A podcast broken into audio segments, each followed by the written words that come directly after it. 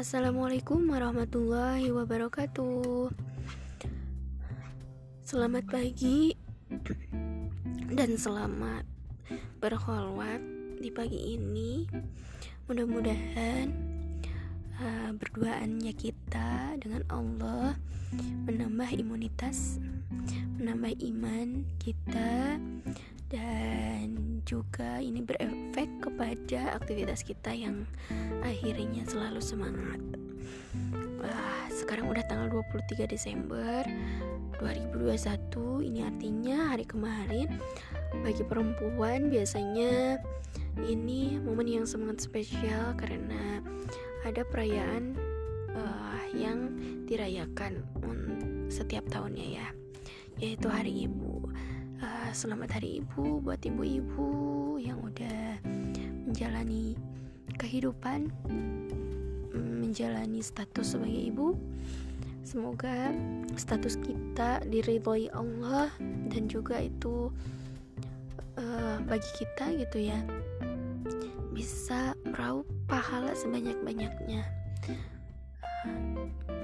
Menitik kesabaran ketika menghadapi anak-anak juga ya segala rupanya lah gitu. Aktivitas-aktivitas yang kita lakukan ketika berperan sebagai ibu itu tetap semangat. Uh, insya Allah kita jalani status kita tersebut untuk meraih ridho Allah. Oke balik lagi. Uh, insya Allah sekarang aku mau ngebacain kembali uh, untayan hikmah dari buku Latazan ya.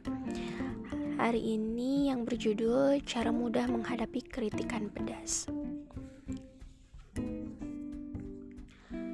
Sang pencipta dan pemberi rezeki yang maha mulia acap kali mendapatkan cacian dan cercaan dari orang-orang pandir yang tak berakal. Maka apalagi saya anda dan kita sebagai manusia yang selalu terpleset dan salah. Dalam hidup ini terutama adalah jika Anda seseorang yang selalu memberi, memperbaiki, mempengaruhi, dan berusaha membangun, maka Anda akan selalu menjumpai kritikan-kritikan pedas dan pahit. Mungkin pula sekali Anda dapat cemoohan dan hinaan dari orang lain dan mereka tak akan pernah diam mengkritik Anda sebelum Anda masuk dalam liang bumi, menaiki tangga ke langit dan berpisah dengan mereka. Adapun bila Anda masih berada di tengah-tengah mereka, maka akan selalu ada perbuatan mereka yang membuat Anda bersedih dan meneteskan air mata dan membuat tempat tidur Anda selalu terasa gerah. Perlu diingat, Orang yang duduk di atas tanah tak akan pernah jatuh, dan manusia tidak akan pernah menendang anjing yang sudah mati. Adapun mereka marah dan kesal kepada Anda adalah karena mungkin Anda mengungguli mereka dalam hal kebaikan, keilmuan, tindak tanduk, ataupun harta. Jelasnya, Anda di mata mereka adalah orang yang berdosa, yang ter tak terampuni sampai Anda melepaskan semua karunia dan nikmat Allah yang ada pada diri Anda atau sampai Anda meninggalkan semua sifat terpuji dan nilai-nilai luhur yang selama ini Anda pegang teguh. Dan menjadi orang yang bodoh, pandir, dan tolol adalah mereka yang ing diinginkan dari diri Anda. Oleh sebab itu, waspadalah terhadap apa yang mereka katakan. Kuatkan jiwa untuk mendengar kritikan, cemoohan, dan hinaan mereka.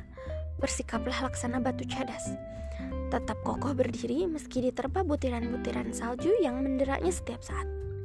Dan ia justru semakin kokoh karenanya. Artinya, jika Anda merasa terusik dan terpengaruh oleh kritikan atau cemoohan mereka, berarti Anda telah meluluskan keinginan mereka untuk mengotori dan mencemarkan kehidupan Anda. Padahal, yang terbaik adalah menjawab atau merespon kritikan mereka dengan menunjukkan akhlak yang baik. Acuhkan saja mereka. Dan jangan pernah merasa tertekan oleh setiap upaya mereka untuk menjatuhkan Anda. Sebab kritikan mereka yang menyakitkan itu pada hakikatnya merupakan ungkapan penghormatan untuk Anda. Yakni, semakin tinggi derajat dan posisi yang Anda duduki, maka akan semakin pedas pula kritikan itu. Betapapun Anda akan kesulitan membungkam mulut mereka dan menahan gerakan gerakan lidah mereka yang Anda mampu adalah hanya mengubur dalam-dalam setiap kritikan mereka, mengabaikan solah pola mereka pada Anda dan cukup mengomentari setiap perkataan mereka sebagaimana yang diperintahkan oleh Allah. Dalam Quran Surat Ali Imran ayat 119 yang artinya Katakanlah kepada mereka Matilah kamu dengan kemarahan itu Bahkan, Anda juga dapat mengumpal mulut mereka dengan potongan-potongan daging agar diam seribu bahasa dengan cara memperbanyak keutamaan, memperbaiki akhlak, dan meluruskan setiap kesalahan Anda. Dan bila Anda ingin diterima oleh semua pihak, dicintai semua orang, dan terhindar dari celak, berarti Anda sudah menginginkan sesuatu yang mustahil terjadi dan mengangankan sesuatu yang terlalu jauh untuk diwujudkan. Oke, ini semangat buat kita ya. Mudah-mudahan kita terus mengamalkan setiap kebaikan-kebaikan di dalam kehidupan kita. Meskipun banyak orang yang mencela, mengkritik diri kita, tetap semangat, tetap melakukan kebaikan.